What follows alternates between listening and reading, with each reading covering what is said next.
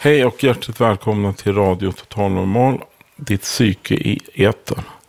Under sommaren har vi inga liveprogram. Istället sänder vi reportage som våra radiomedlemmar gjort. Utvalda avsnitt av Fountainhouse Stockholms podcast. Smakprov från radiofontänen i Malmö och fontänhuset Pelaren på Åland samt en del favoriter i repris av årets sändningar. I dagens specialprogram får vi följa med Susanna Skogberg när hon besöker enheten för sexuell hälsa, SÖSAM, på Södersjukhuset och avdelningen för våldtagna, AV, också det på Södersjukhuset. Det pratas till exempel om könsidentitet, sexuellt överförbara infektioner och samtyckeslagstiftning. Nu börjar Radio Total Normal, ditt psyke i etern på 101,1 MHz i Stockholms närradio. Idag presenterar vi en specialsändning.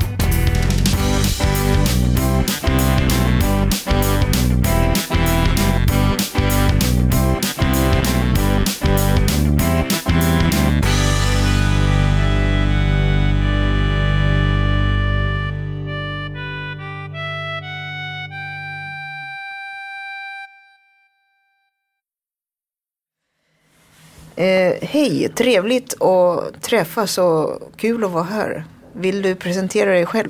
Absolut. Eh, Kalle Norvald heter jag. Eh, jag är socionom och auktoriserad sexolog. Jobbar på enheten för sexuell hälsa, SÖSAM, på Södersjukhuset. Vad är SÖSAM för mottagning, enhet? Eh, SÖSAM är en del av enheten för sexuell hälsa. SÖSAM är en sex och samlevnadsmottagning. Eh, vi träffar människor som har olika frågor kopplat till sin sexuella hälsa. Det kan vara till exempel att man kan ha lite frågor om säkrare sex till exempel. Eh, det kan vara att man varit med om sexuellt våld.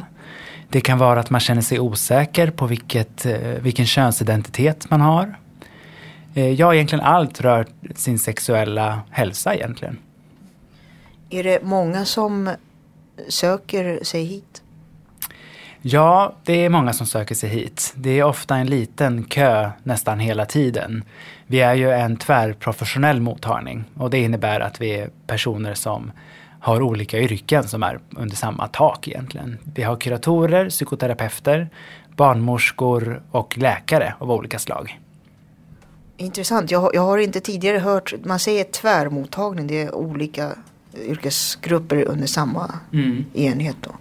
Precis. Intressant. Eh, hur många är, är ni som arbetar just Det kanske är, så, det är inte så lätt att komma ihåg eh, hur många personer men under, under ett arbetspass hur många är det som jobbar? Jag tror, om jag min snabba huvudräkning så tror jag att vi har ungefär 10-11 personer eh, med olika professioner då.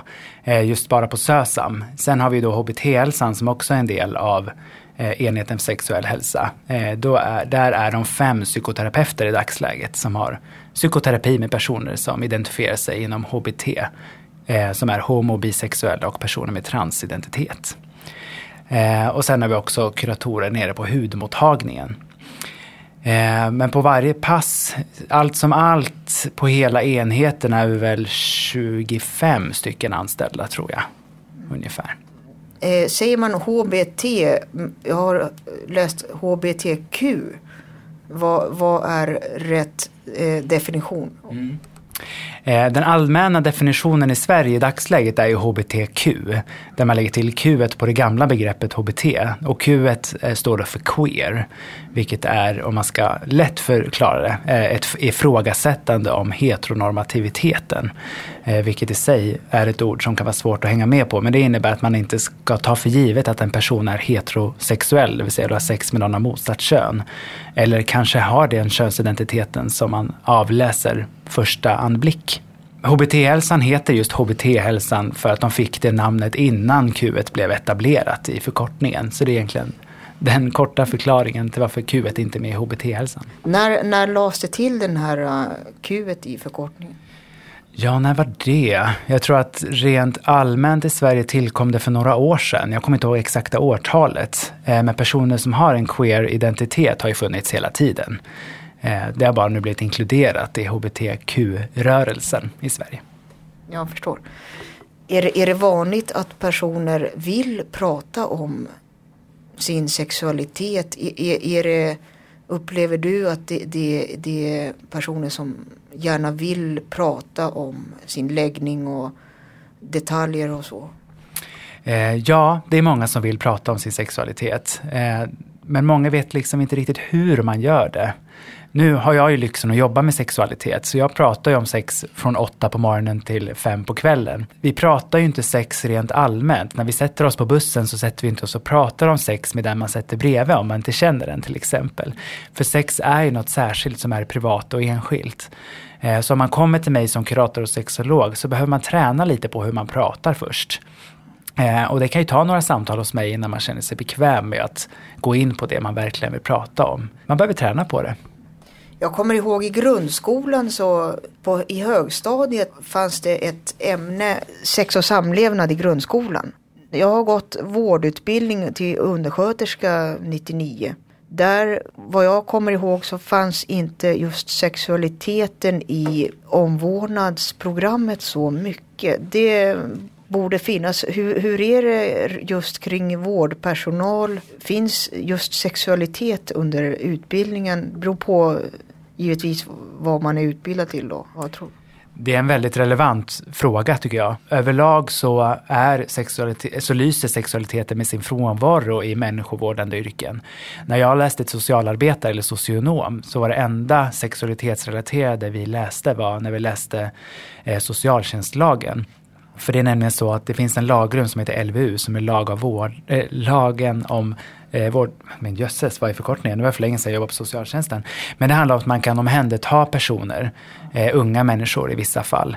Eh, och det vi fick lära oss då, i samband med det var att man kan tvångsomhänderta flickor som är promiskuösa. Vilket egentligen då innebär att man i vuxenvärlden tycker att den här flickan då eh, ska ha för, många, för mycket sex helt enkelt. Och det var egentligen det enda jag fick lära mig på tre och ett halvt år. Eh, och då var det liksom totalt avsaknad av mm, pojkar eller personer som har en transidentitet skulle ha samma beteende. Utan det var just flickor som pekades ut. Sen vet jag att mina vänner och kollegor som har studerat sjuksköterska eller som du själv undersköterska så finns det inte heller så mycket snack om sexualitet. Så det är en jättestor brist i utbildningarna i Sverige idag. Ja det är det. ju. Sen också som patient som jag är i allmänpsykiatrin det upplyses inte mycket till patienter om sexualiteten när, när man träffar en läkare eller kur kurator liksom. Vad det gäller sexu sexuellt beteende eller hur man ska förhålla sig. Mm. Det är nu 20 år senare går, går jag en behandling där det pratas om mitt sexuella beteende, hur jag ska förhålla mig. Jag går i gruppterapi, mm. PTSD-gruppterapi.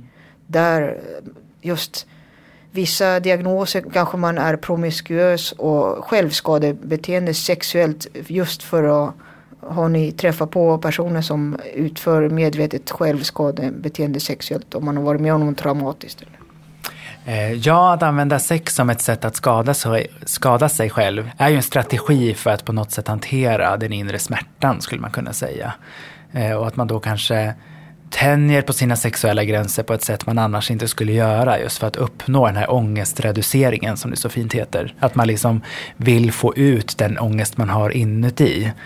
Och då genom sex eh, och sexuella praktiker få utlopp för att ångesten liksom ett tag i alla fall ska lätta. Eh, och då kan det ju leda till att man verkligen får bestående skador.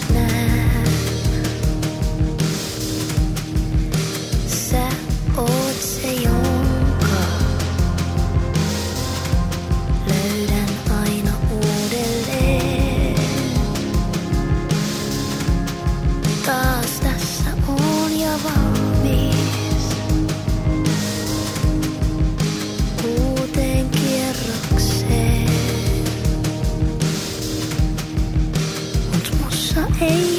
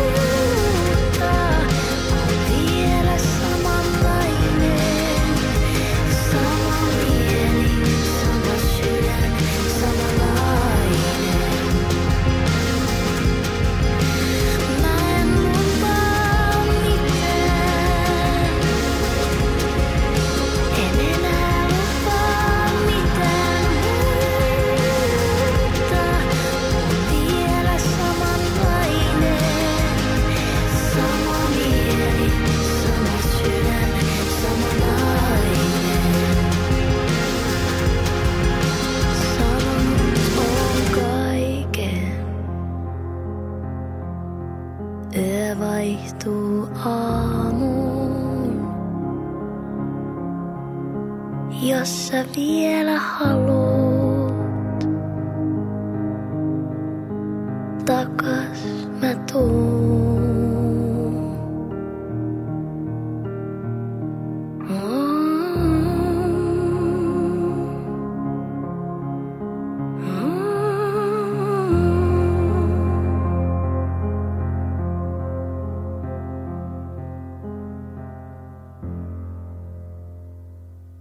Jag tänkte höra, eh, du berättar ni är inriktade också på personer med transidentitet, transsexuella och transvestiter och vilka andra målgrupper. Det är också homo, bi, gay och vad man ännu identifierar sig.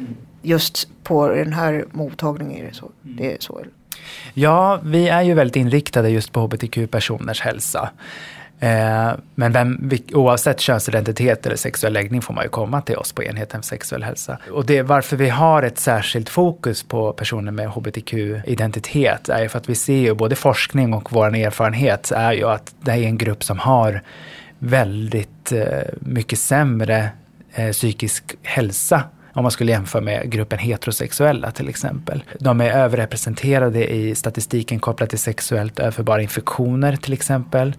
Eh, och så drar man sig för att komma till sjukvården så kanske man går med en obehandlad infektion totalt i onödan. Och det beror ju på att man är rädd att bli bemött på ett fördomsfullt sätt i sjukvården.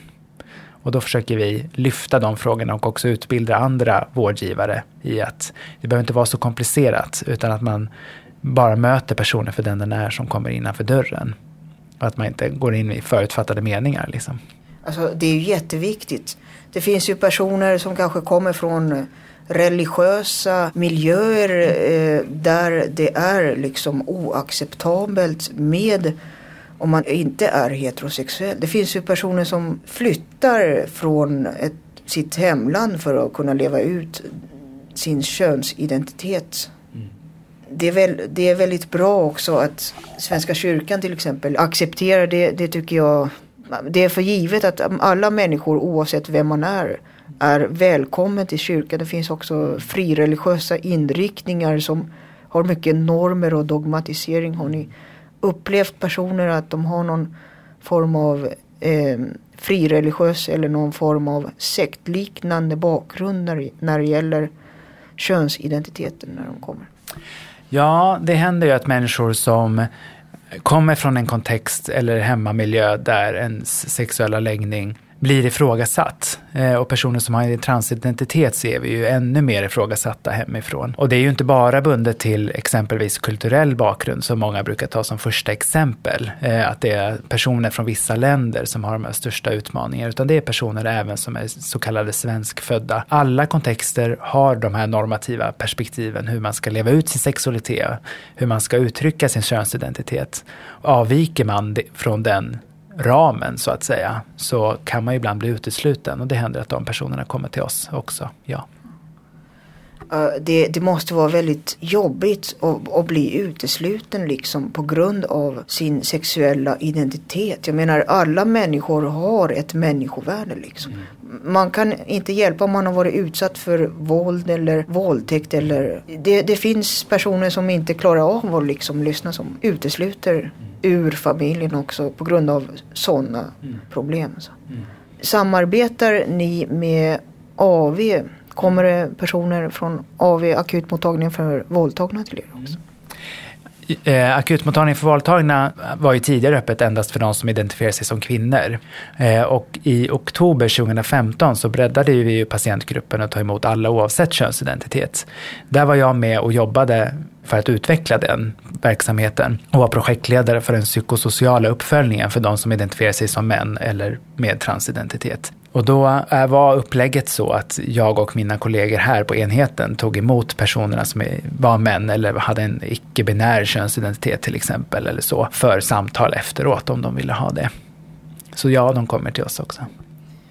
Det är jättebra. Hur, hur är det med STD? Säger man i Sverige STD-sjukdomar? Det säger man på engelska. Ja, på engelska så har man ju tidigare sagt STDs, som var ju sexual transmitted diseases, eller könssjukdom på svenska. På senare år har man mer börjat prata om STIs, det vill säga sexual transmitted infections. Och då pratar vi också då på svenska på sexuellt överförbara infektioner. Och det är för att på något vis, eller syftet med det som jag har tolkat det är att lyfta lite på allvarsgraden på något vis. Sjukdom låter så hårt. Eh, en infektion är ju lättbotad många gånger. Eller nej, så kanske jag inte ska uttrycka mig. En infektion kan ju vara kronisk till exempel. Eh, HIV är ju en kronisk infektion som med väl medicinering kan man leva ett väldigt bra och långt liv. Men det är för att lätta lite på allvarsgraden eh, som jag har tolkat det. Just det, STI ja, nu, nu kommer jag ihåg det. Istället för STD. Precis, precis så. När det gäller eh, blodsmittor, eh, vilka, det är två eh, sjukdomar som är blodsmitta vad jag vet. Det är hepatit och hiv. Finns det några andra blodsmittor? Ja, det finns ju jättemånga blodsmittor. Eh, inte vad jag eh, vet just nu, men syfilis skulle man ju kunna ha i blodet till exempel. Sen kan ju också, ifall man går med gonorré för länge, kan ju också utsöndra sig i blodet. Det är inte så vanligt. Eh, det händer ibland, men väl, då måste man gå med gonorrén ganska länge. Sen finns det ju blodsmittor som inte är kopplade till sexuellt beteende. Eh, men de är inte jag så väl bevandrad i. Jag förstår. När det gäller hiv, på 90-talet och även tidigare 90-talet så var det väl, väldig information och propaganda upplever jag det som att eh, folk var väldigt rädda för hiv. Hur är det idag kring folks tankar och eh, kring hiv? Eh, när hiv kom, eller blev känt kanske man ska säga, någon gång i mitten på 80-talet så blev det precis som du säger, blev det en väldig panik i samhället.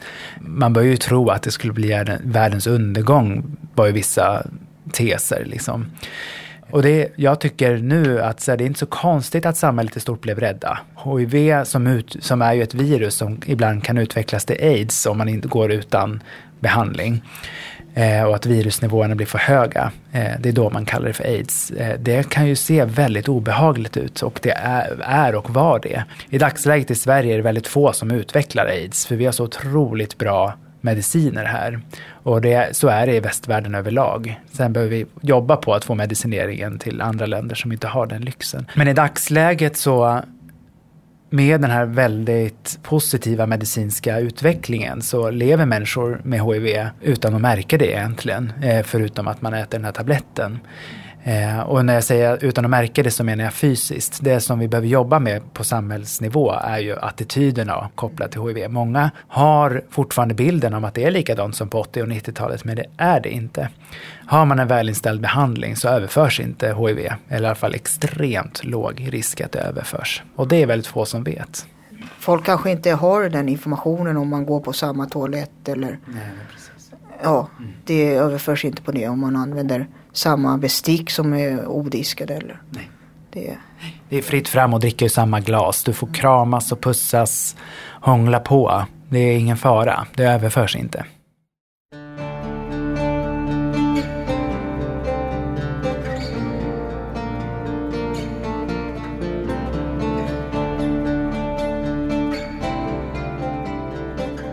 Jag tänkte på det här med sexualupplysning och så. Det vore bra, jag tänker, jag tycker själv att det här med sexualiteten, det, det, det borde pratas mer. Till exempel skicka hem foldrar till folk och komma på något informationsbesök eller om man vill ha något eh, samtal om sexualitet eller brukar ni skicka sådana foldrar eller har ni tänkt på det till allmänheten? Mm, nej, vi skickar inte ut foldrar på det sättet. Vi har ju en utåtriktad verksamhet, vilket överlag innebär att vi åker ut till de som vill ha oss och föreläser om sexualitet i olika perspektiv. Det kan vara, som vi var inne på tidigare, om hbtq. Det kan vara om sexuellt överförbara infektioner. Vi kan prata om att ställa frågor om sexualitet. Eh, vi är en verksamhet som är inriktad mot landsting. Så vi träffar ju sjukhus, vårdcentraler, ibland psykiatrin eh, och så för att just uppmuntra och ställa frågor om sexualitet. Jag är en av de som förespråkar att vi ska prata mycket tidigare med barn om sexualitet. Då blir många lite rädda och förstår inte riktigt vad jag menar. Jag menar ju inte att man ska börja prata samlagsställningar med barn, för det är, inte, det är inte relevant information för barn att ha. Eh, jag tänker att vi behöver prata om lustkänslor med barn. Vi behöver prata om våra kroppar, eh, magkänsla om så här, eh, vad som kan upplevas som lustfyllt och skönt och vad som känns obehagligt. Och sätta gränser. Om vi då jobbar med de sakerna tidigt med barn så tror jag att vi kommer ha en mycket högre eh, skattning av allmänna sexuella hälsan. Eh, när det gäller människans drifter så är det ju eh, som den här behovstrappan, Maslows behovstrappa. Den största driften människan har det är hunger. Och sen efter det är sexualiteten. Det är en väldigt, väldigt stor drift. Om det är en person som har någon sexuell störning till exempel är det svårt att bota en sexuell störning beroende på vad man definierar som sexuell störning. Jag tror du är inne på en jätteviktig fråga här i slutet, när du säger vad man definierar som en sexuell störning. Det är ju väldigt spännande. Om man kollar rent historiskt så har man ju sett att man definierar just sexuell störning som väldigt olika.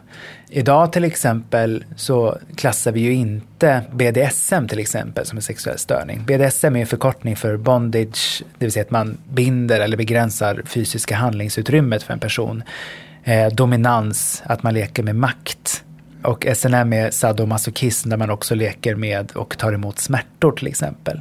Eh, för några år sedan så var det klassat som en sexuell störning. Och det blev ju borttaget. Jag kommer inte ihåg exakt vilket år det var, men det var inte jättelänge sedan. Och det var ju just för att man insåg att men det är många människor som använder BDSM på ett sätt som inte liksom avviker utan att ha det som en väldigt lustfylld eh, och ömsesidig praktik.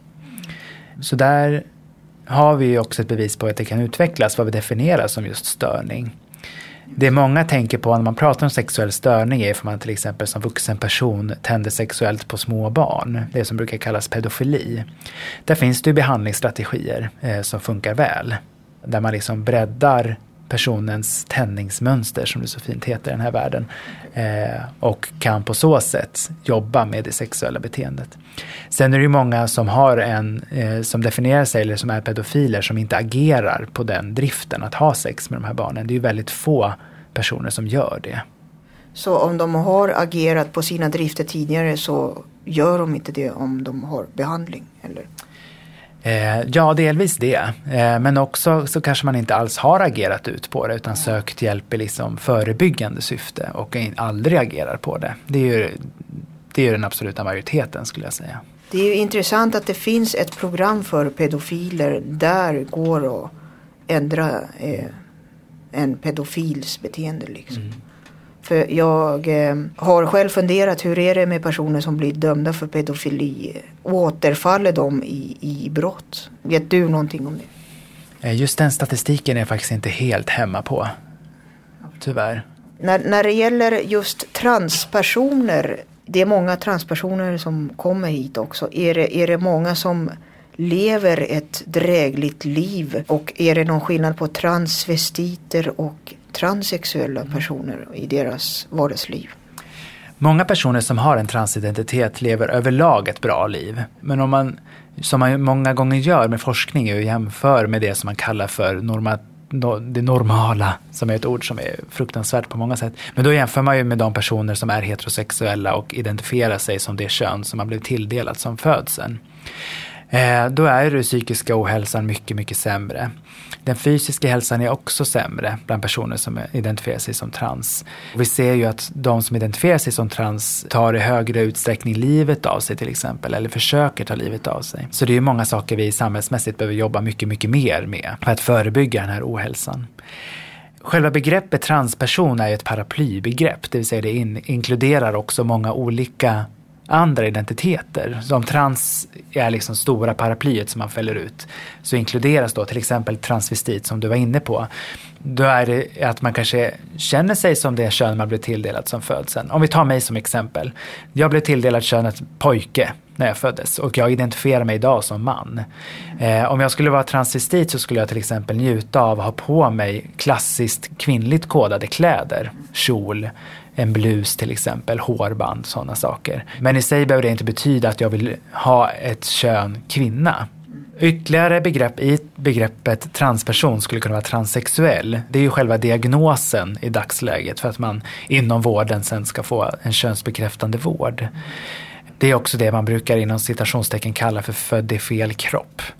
Om jag tar mig själv som exempel igen, som blev tilldelat könet pojke i födseln. Om jag nu, eller nu någon gång i livet skulle känna mig jag är tjej och jag då får den här diagnosen transsexuell så skulle jag kunna få en könsbekräftande vård inom vården på olika vis. Det nya begreppet för det är könsdysfori. Eh, för att just få bort, för det många förväxlar transsexualism med något sexuellt. Att det handlar om att man tänder sexuellt på något speciellt sätt. Men det är ju inte det det handlar om, utan det handlar ju om könsidentitet. Sen finns det många andra begrepp inom transbegreppet också, som icke-binär som jag nämnde förut. Man hör, känner sig inte hemma som pojke eller flicka eller man eller kvinna, utan någonting däremellan eller utanför till exempel. Kallas, heter inte det androgyn också? Eller? Eh, androgyn skulle ju kunna vara ett sätt att uttrycka sitt kön. Eh, att det liksom är både manligt och kvinnligt samtidigt. Vad det nu är. Allt handlar ju om definitioner liksom. Mm. Men jag var observant av det och just ta upp androgyn, för det är inte så många som gör det. Jag har läst och eh, hört talas om personer som ångrar ett, en könskorrigeringsoperation. Är det vanligt? Det händer ju att man genomgår den här typen av operationer och behandling eh, och sen efter insåg att men det var inte det här jag mådde dåligt över, det är någonting helt annat.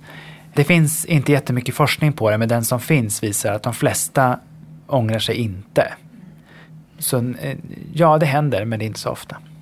Man, man ska också genomgå eh, över ett års utredning, regelbundna samtal hos en, jag vet inte om det är en psykolog eller de personer som vill göra en könskorrigering. Jag tror de ska gå i samtal över ett år eller någonting.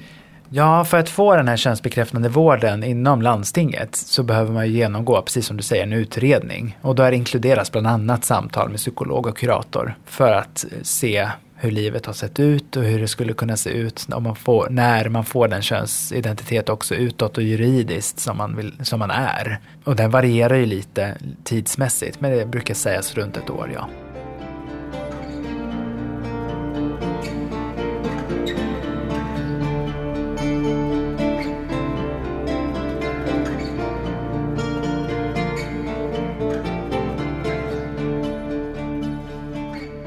Det är eventuellt på gång, det är inte säkert, men en samtyckeslag i Sverige. Vad tycker du, är det bra eller dåligt? Jag tycker nog generellt att det faktiskt är en ganska god utveckling. Just att man försöker, man, den debatten jag har hängt med på och deltagit i handlar just om det här med att säga ja till sex. Vi är ju ganska snabbt fostrade i hur man ska säga nej. Men att just säga ja är också en väldigt viktig del. Införandet av den här eventuella samtyckeslagstiftningen handlar ju just om det. Att kommer inget ja så är det ett nej. För att också förebygga sexuellt våld och övergrepp och våldtäkt. Jag tycker att det kan vara bra. Att vi tar den här frågan från det perspektivet också. Ja, jag tycker det låter bra. Ja, det, det, det blir ju som ett understrykande liksom att om man är tyst så tolkas det som ett nej. Man måste vara väldigt tydlig vad, vad man vill och inte vill. Precis, Eh, och jag tänker också att man kan ju säga ja på många olika sätt. Debatten fastnar ju ofta i att man måste säga ja med munnen och säga ja. Eh, Men man kan ju också säga ja med kroppen genom att ta sin partner lite närmre, smeka sin partner på ett annat sätt till exempel. På, eller på ett annat sätt, på ett sätt som liksom bekräftar kontakten. Eh, Det är ju också att säga ja och ge sitt samtycke. Precis, det är ju inte bara det verbala liksom utan det är ju eh, den fysiska kroppsspråket. Så. Precis. Jag, jag skulle fråga kring sjukdomen hiv så finns det tester numera efter två veckor så kan man se om man har eh, virus i blodet om man misstänker eller har varit utsatt för sexue- sexuell våld eller våldtäkt eller då, då är det ju bra att veta också eller vanligt oskyddat samlag att efter två veckor så syns, syns det virus i blodet. När började det vet du? Eh, just HIV-viruset har jag, eh, har jag väldigt stor respekt för, för det är ett ganska smart virus. Det kan liksom utvecklas på väldigt olika sätt beroende på vilken kropp den etablerar sig i. Det är ju inte för alla som det här nya snabbtesten till exempel, eh, efter så kort tid som två veckor, visar ett helt rimligt resultat. För väldigt många gör det det. Men ibland så kan det ta några fler veckor för det här viruset att utvecklas och därför behöver man ta kompletterande prov även efteråt. Och det innebär ju att man behöver ta prov några gånger efter en sån här händelse. Om man har HSV typ 2, herpes typ 2 i genitalet, då är det lättare att bli smittad av hiv, har jag för mig. Eh, det är också så generellt, har du en sexuellt överförbar infektion så blir du också mer mottaglig att eh, få en ytterligare en infektion. Så går du omkring med en klamydia till exempel, eh, som är en väldigt vanlig sexuellt överförbar infektion i Sverige, så är man ju lättare mottaglig att få till exempel könsherpes typ 2, eller herpes typ 2 som du är inne på. Det är också lättare att, för HIV-viruset att etablera sig i kroppen. Har man en STI så är det lättare att få ytterligare en STI. Om en person är smittad med en kronisk SDI-sjukdom, hur brukar eh, det se ut i kontakten?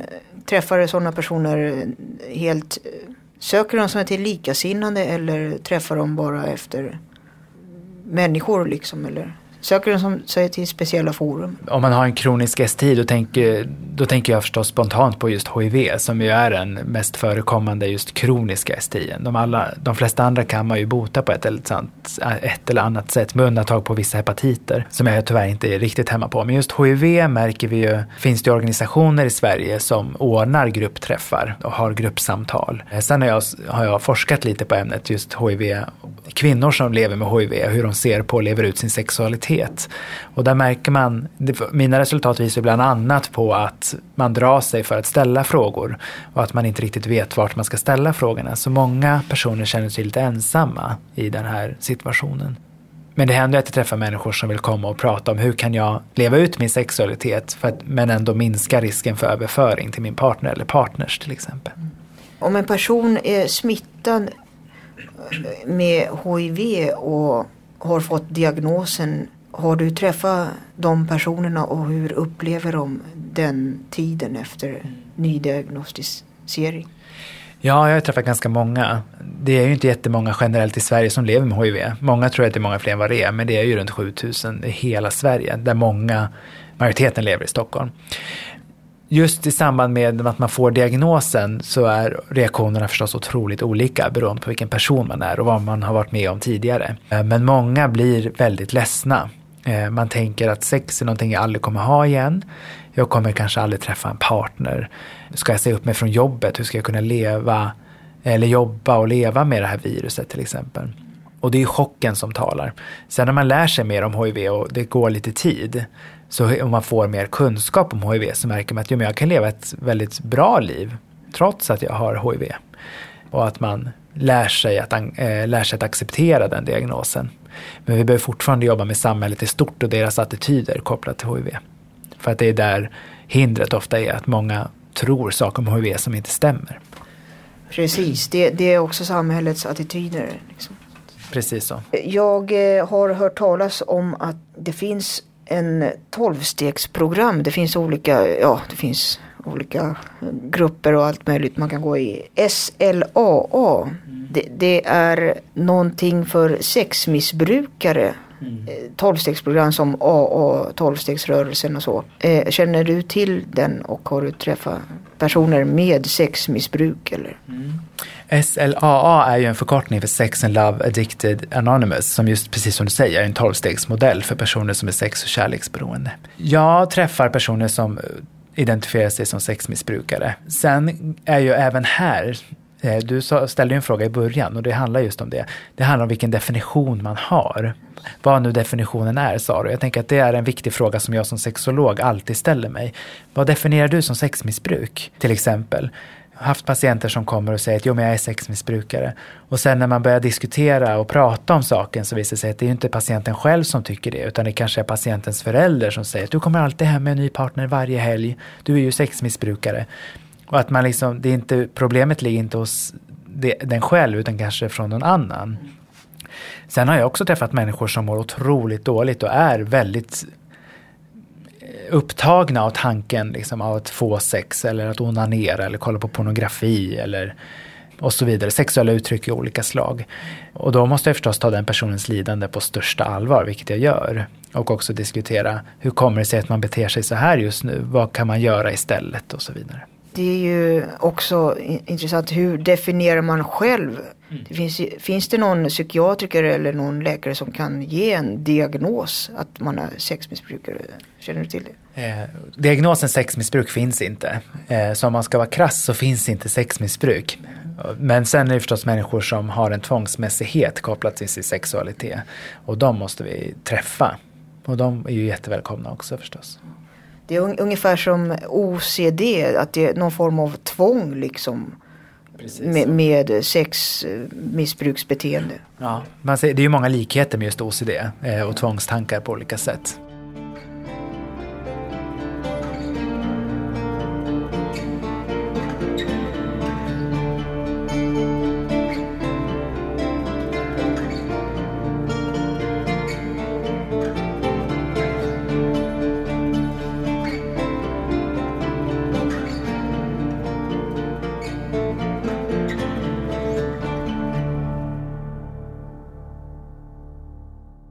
Är det no någonting du vill berätta? Det kanske är... Jag tycker att du ställer väldigt bra och relevanta frågor och de temana som du har tagit upp är också de temana som jag hoppas på att vi ska prata mer om. Det jag kan komma på för att avsluta det här är ju mer så att vi måste lära oss sätt att prata om sex och sexualitet och också inte göra det så otroligt dramatiskt. Men det krävs att träna på det. Om man bara ska ge parallellt så mina samtal, sexologiska rådgivningar till exempel, ser ju inte likadana ut idag som när jag började för flera, flera år sedan.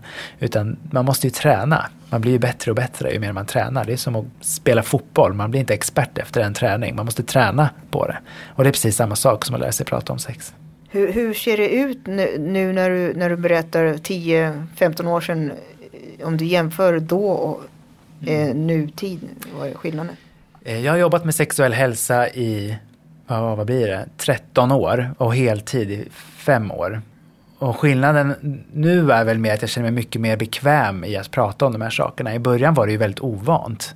Kommer ifrån arbete inom socialtjänsten där man inte heller pratar så mycket sexualitet, tyvärr. Och sen komma in i en verksamhet där man pratar sex hela tiden. Det blir ju en omställning och då måste man träna på det. Så det är mer, jag själv har blivit tryggare i min yrkesroll. Och det tänker jag att det kan man som privatperson också bli genom att träna. Som sagt. Jag tänker på det här när man är patient i psykiatrin. Alltså det, det är ju ingen som pratar om sexualiteter. In, inga läkare, ingenting knappt. Och det är också märkt det. Ja, sjukvården generellt sett, psykiatrin inkluderat, pratar inte så mycket om sexualitet. Det är, ifall det är någon liksom riktig eldsjäl på mottagningen som säger att det här är en viktig fråga att ställa. Då kan det komma att det blir något projekt inom just den mottagningen till exempel. Men om man ska generalisera så är sjukvården ganska dåliga på att prata om sexualitet. Visst, det händer förbättring, förbättringar hela tiden. Sjukvården utvecklas ju också. Eh, Och jag hoppas med den utvecklingen också att sexualiteten får vara en del i nybesöken till exempel. Det vore bra. Alltså. Det tycker jag. Och jag tänker att så här, många som är inom sjukvården kanske lever på ett visst sätt där man inte har möjligheten att ställa de här frågorna till någon annan. Man kanske tycker det är pinsamt att ställa frågor till familjen eller vännerna. Eh, och så kommer man till en vårdcentral och ska, ja, vad som helst egentligen. Kommer för att man tror att man har halsfluss. Och också då känner att man har möjligheten att ställa de här frågorna. Sen är det ju inte alltid att det är relevant att ställa sexualitetsrelaterade frågor. Kommer man in med ett eh, här är jag så dålig på att ge exempel för jag kommer alltid på sexualitetsrelaterade saker som skulle kunna hända med olika saker. Men kom in med ett brutet ben till akuten till exempel. Ja, då kanske det inte är relevant vem jag har sex med. Sen kan det i och för sig vara en sexuell praktik som har gjort att jag har råkat bryta benet för att vi var för akrobatiska till exempel. Då kan det vara en viss vits med det. Men det handlar ju om att ge sig själv tillåtelse att ställa frågor. Både som patient och som om, omvårdnadspersonal. Det där var ett bra exempel om man, eh, att man ska kunna berätta på akuten att det var kanske någon sexuell aktivitet som gjorde att man bröt foten. Liksom. Till exempel. Ja. Mm. Tänkte, hur kommer man i kontakt med era mottagningar om man vill komma hit och prata med dig och, och, och få rådgivning? Det finns en olika vägar in till vår mottagning. Eh, många av de som kommer till mig för samtal kommer via till exempel Stockholms läns ungdomsmottagningar. Att jag får remisser från ungdomsmottagningarna. Eh, det kan också vara att man har varit och testat sig för någon sexuellt överförbar infektion nere på vår STI-mottagning här på Södersjukhuset. Det kan också vara att man har kommit in akut till akutmottagningen för våldtagna och behöver samtal efteråt. Då kan man komma till mig. Så det är en, vissa olika rader av ingångar hit. Just det, ni, ni samarbetar också med Venhälsan. Venhälsan är ju en, en del av infektionsvården på Södersjukhuset som är främst riktat mot män som har sex med män. Men vi har kontinuerliga diskussioner med Venhälsan eh, och samarbeten i gemensamma frågor. För vi jobbar ju på många liknande vis och också med samma frågor. Så vi samarbetar så gott vi kan. Är det några andra enheter ni samarbetar med förutom Venhälsan? Vi samarbetar med alla som jobbar med liknande frågor som oss. Eh, kunskapsutbyte, erfarenhetsbeskrivningar och så vidare för att kunna utveckla våra verksamheter också ytterligare. Så vi, vi samarbetar med de som önskar. Ja, då, då, det, då får jag tacka så mycket för trevlig intervju och information. Tack, Tack så mycket. Tack så mycket.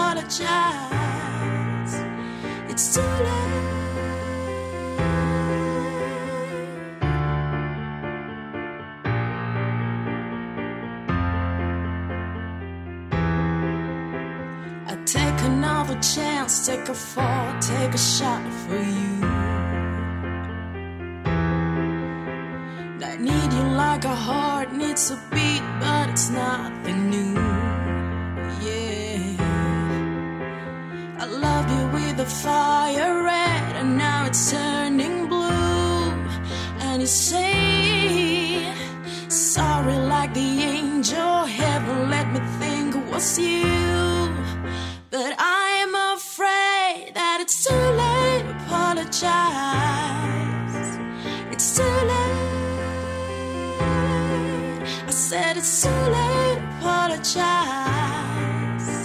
It's too late. It's too late to apologize. It's too late. I said it's too late to apologize.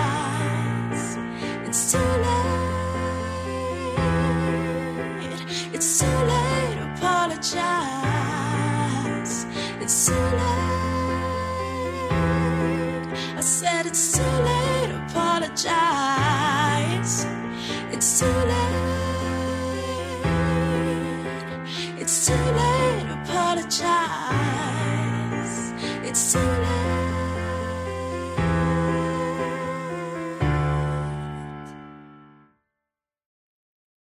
Hej! Eh, trevligt att vara här vill du presentera dig? Mm, jag heter Anna Tionen Möller och är biträdande överläkare här på akutmottagningen för våldtagna. Där jag också är eh, ledningsansvarig läkare, det vill säga att jag har det medicinska ansvaret kan man säga. Vad är eh, AV eh, för avdelning och vilka kan komma hit? Mm, AV är en förkortning för akutmottagningen för våldtagna. Förut hette vi AVK, då hette det akutmottagning för våldtagna kvinnor. Men för ungefär ett år sedan, ett och ett halvt år sedan, så öppnade det upp för alla oavsett könsidentitet. Både kvinnor, män och de som inte, eh, faktiskt inte identifierar sig som något kön alls. Jag tänkte höra eh, vil, vilka yrkesgrupper arbetar på den här mottagningen säger man? Eh, dagtid, på eh, kontorstid kan man säga, då är, vi, då är det alltid en läkare på plats. En sköterska och en undersköterska. Och sen har vi eh, våra samtalsbehandlare som har planerad återbesöksmottagning med krisbearbetande samtal. Och då har vi i nuläget fem samtalsbehandlare som jobbar här dagtid. Och sen på jourtid så är det en undersköterska och en sköterska som tar hand om en patient som kommer in akut på jourtid och sen så kallar man på doktorn som kommer, så då är en, en jourdoktor. Eh, Samarbetar ni med andra instanser av, eller företag eller avdelningar? Vi samarbetar inte med något företag, men vi samarbetar ju med våra, vårt nätverk. Till exempel ungdomar som kommer hit, de som är under 18 år. De kommer hit på akutbesöket, men sen så följs de upp på ungdomsenheten här på Södersjukhuset. Alternativt på Maria Ungdom. De som har, är under 18 år men har ett missbruk. Vi samarbetar ju med Venhälsan, enheten för sexuell hälsa. Vi har samarbete och möten med kvinnojourerna. Så vi har ett stort nätverk med, med andra aktörer som vi ja, bollar patienter emellan. Eh, ungdomar under 18 år, de kommer också hit. Det, det är akuta besöket, då kan vem som helst komma hit eller? Vi har en åldersgräns på 13 för att komma hit. Eh, med ett undantag för flickor som är under 13 år men har börjat menstruera. De får också komma. Men annars har vi en åldersgräns på 13 när det gäller pojkar och flickor. Och är man under 13 så undersöks man av barnläkare på barnakuten. Det finns Sas- Sa- Sarska barnsjukhus här på Södersjukhuset. Det är dit man också kan vända sig om man är under 13 år. Ja, precis. Om man kommer hit till Södersjukhuset så är det ju Saxka barnakut. Eller så om man söker på KS så är det ju barnakuten där. Eller de andra akutmottagningarna. Det ska finnas en rutin för att ta hand om eh, våldsutsatta, sexuellt våldsutsatta barn på alla akutmottagningar. Hur, om man vill komma hit, om man har varit utsatt för en våldtäkt, hur kommer man i kontakt med er? Vi, har ju, vi tar ju emot alla eh, som har varit med om en våldtäkt där våldtäkten har skett inom senaste månaden. Så det får inte ha hänt längre sen än en månad. Och vill man komma hit så är det ju jättebra om man ringer först. Då kan man bara söka på våldtäkt och Södersjukhuset eller Stockholm. Så får man upp oss väldigt snabbt. Eller akutmottagning för våldtagna. Så får man upp och kan hitta telefonnummer och adress. Det är bra om man ringer innan. Men man behöver inte. Man kan bara komma hit och ringa på dörren. Eh, man behöver inte ha gjort en polisanmälan. Men en, många har gjort det innan och då brukar oftast polisen skjutsa hit eh, personen. Eh, till exempel i Finland, finns det motsvarande mottagning i Finland? Det gör inte det. I Finland så finns det fortfarande ingen eh, någon akutvård för våldtagna. Utan då, om man har gjort en polisanmälan så undersöks man av en rättsläkare. Som sen inte ordnar med någon uppföljning eller samtal. Utan då får man själv söka sig till sin vårdcentral i Finland. Så där finns inte riktigt något samlat grepp. Nu har vi faktiskt haft en stor delegation från Helsingfors universitetssjukhus här under hösten. Och att de ska starta upp den första mottagningen i Helsingfors. På ett av de stora universitetssjukhusen där. När ska de starta den? Vet du det? Det är oklart, de är precis i uppstarten och försöker bilda sin uppfattning i vilka resurser som krävs och så. så att, men förhoppningsvis under 2017. Däremot i Norge och eh, Danmark så är det väl utbyggt redan. Det finns många olika centra, våldtäktscentra.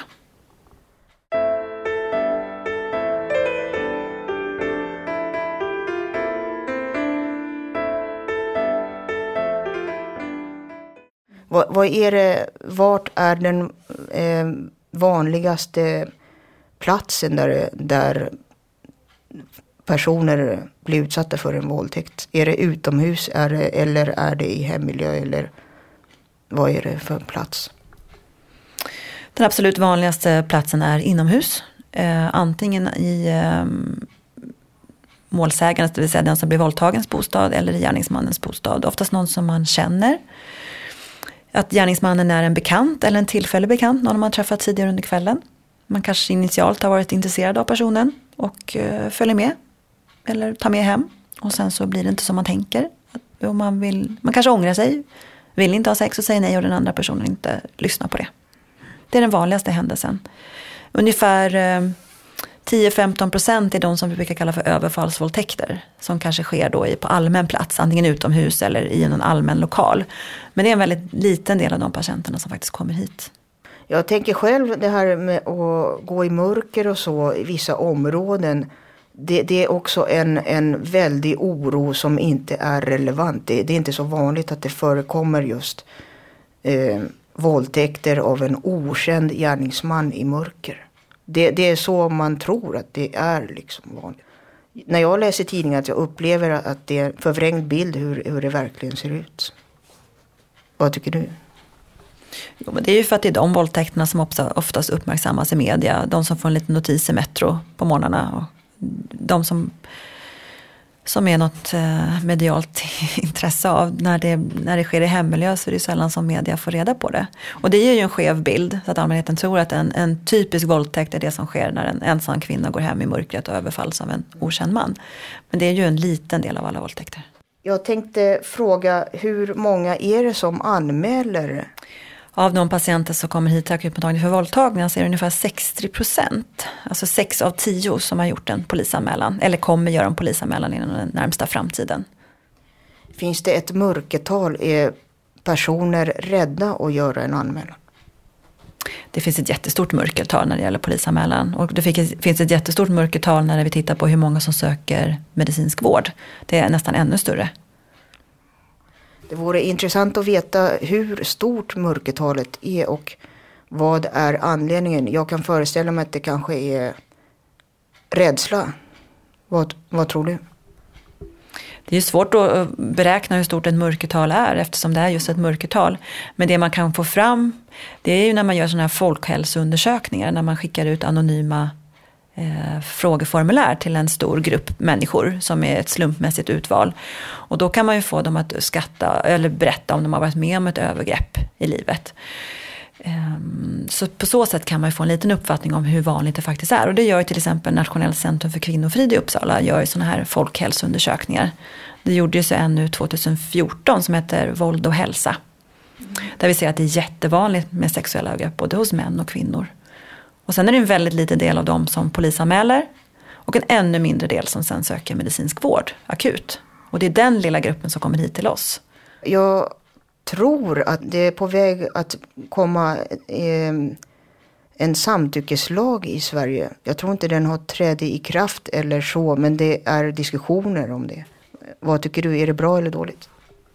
Det kom ju ett eh, ett förslag till en ny samtyckeslag. Och Den lades ju fram nu i höstas. Och sen har den gått ut på remiss till olika instanser under 2017. Och om den trädde i kraft så blir det först 2018. Och en samtyckeslag är ju någonting som eh, vi allra, vi allra flesta tycker vore bra. För det är ju ofta så som man själv definierar en våldtäkt. När jag är ute och föreläser så brukar jag fråga till exempel läkarstudenter, vad är en våldtäkt? Och det är det vanligaste svaret att de säger så här, ja det är när någon har sex med en mot ens vilja. Men det är enligt lagens mening ingen våldtäkt. Så som lagen är utformad nu. Utan det ska vara en sexuell, sexuell, sexuell handling eh, under hot, eller hot, under våld eller hot om våld. Alternativt att man utnyttjar någon som inte är i, sin, eh, i, en ut, som är i en utsatt situation, det vill säga sovandes eller kraftigt alkoholpåverkad. Men att bara ha sex med någon som säger nej, det är i, i dagens mening inte faktiskt våldtäkt. Så därför måste vi ju såklart ändra vår lagstiftning. Men jag tror att kanske inte att det kommer leda till fler fällande domar. För det handlar ju fortfarande om två personer som var där och det kommer vara ord mot ord. Så det kommer kanske inte bli lättare att få gärningspersoner dömda. Men det förhoppningsvis så ger det en attitydförändring. Jag, jag läste att samtyckeslagen är också att det ska vara eh, understrykning att båda personerna kollar av. Eh, vill, vill personen ha sexuellt umgänge? Båda måste vara med på det, liksom understryka och säga det. Liksom ja eller nej. Liksom. Det, det är det den går ut på också, tydligheten. Det, vad jag förstår är det så. Ja, precis. Och det ska inte vara så att passivitet ska kunna tolkas som ett ja. Att bara för att hon inte sa nej eller låg stilla så ska inte det kunna tolkas som ett ja. Utan endast aktivt deltagande i sexuella akten eller att man faktiskt säger ja ska vara ett samtycke.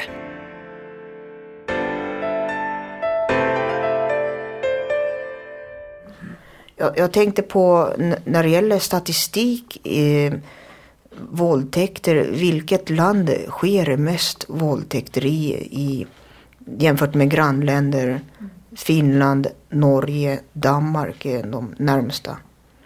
Eh, och jämfört med Europa då, när det gäller Sverige. Om man tittar på de här stora folkhälsoundersökningarna så är det väldigt likt i alla västerländska länder kan man säga. Norge, Sverige, Danmark, Finland och England. Eh, däremot om man tittar på antalet polisanmälda våldtäkter så har, ser man en, en eh, mycket större andel polisanmälda våldtäkter i Sverige. Det tror ju inte vi beror på att det är vanligare med våldtäkter i Sverige utan vi tror på dels att eh, det är ett mindre hinder till att faktiskt polisanmäla i Sverige. Och sen handlar det om statistik och det handlar om eh, pinnar i protokollet. Till exempel om en kvinna som varit utsatt för upprepade våldtäkter av, av sin make. Och så går hon till polisen och berättar att hon blivit våldtagen under flera år.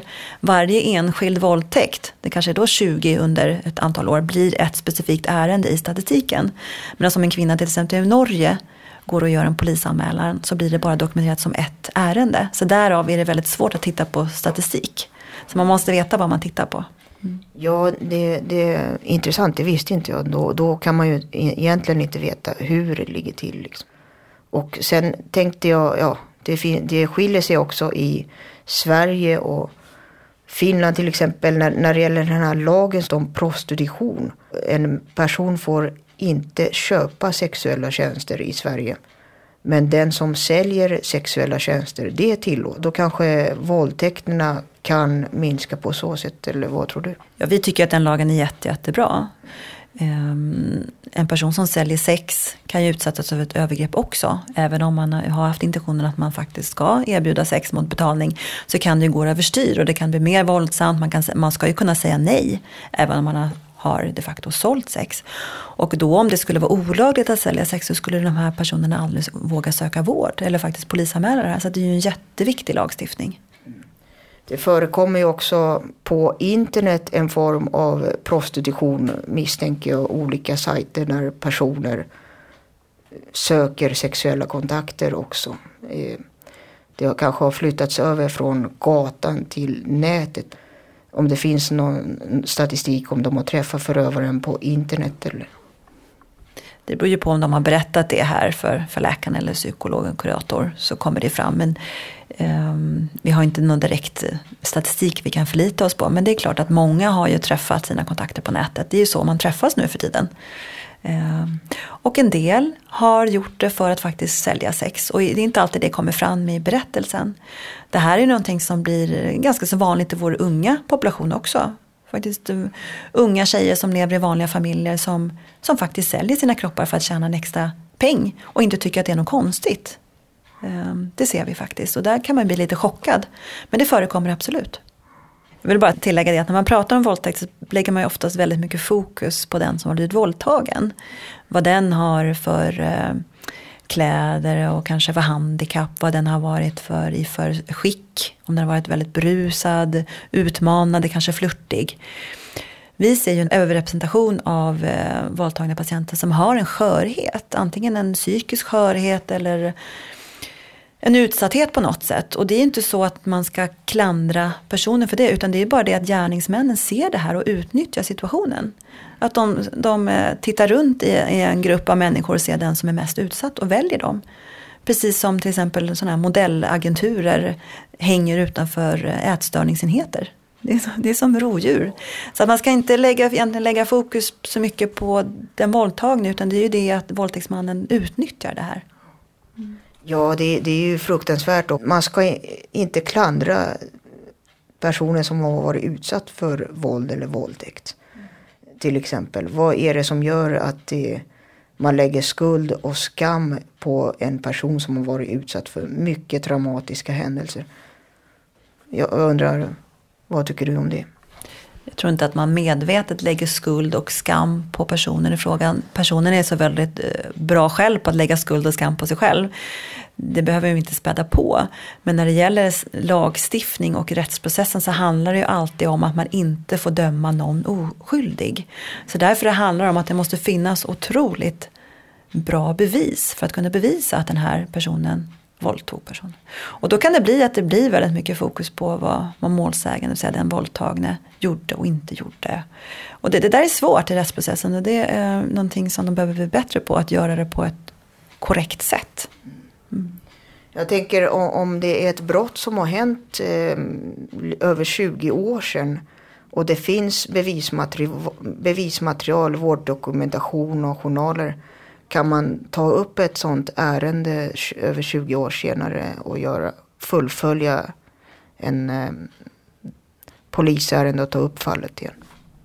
Det finns ju någonting som kallas för preskriptionstid. Att om, om eh, brottet skedde mer än tio år sedan så är det preskriberat. Jag tror att för sexualbrott att det också är tio år, men jag är inte helt säker. Och det betyder att även om det kommer in bevis då, så om det har gått längre tid än, än den här gränsen så kan man inte driva ärendet. Men nu vad vi ser är att ärenden som ändå är ganska gamla blir uppklarade i och med att vi tar mer och mer DNA-test. Att eh, personen som kommer in i ett akutmottagning för våldtagna topsar vi för DNA.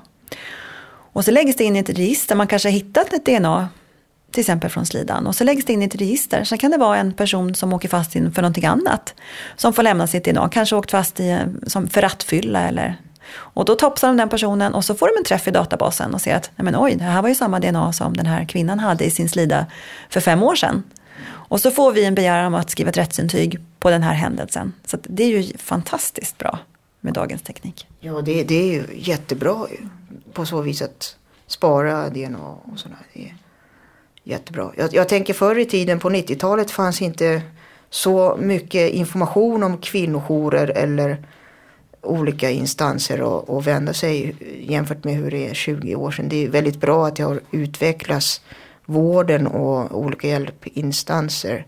Det finns i samhället. Vad tycker du?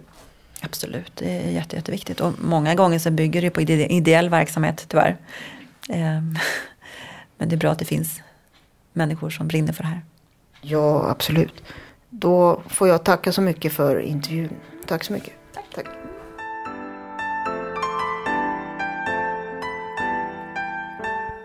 Ni hörde ett reportage gjort av Susanna Skogberg för Radio Total Normal.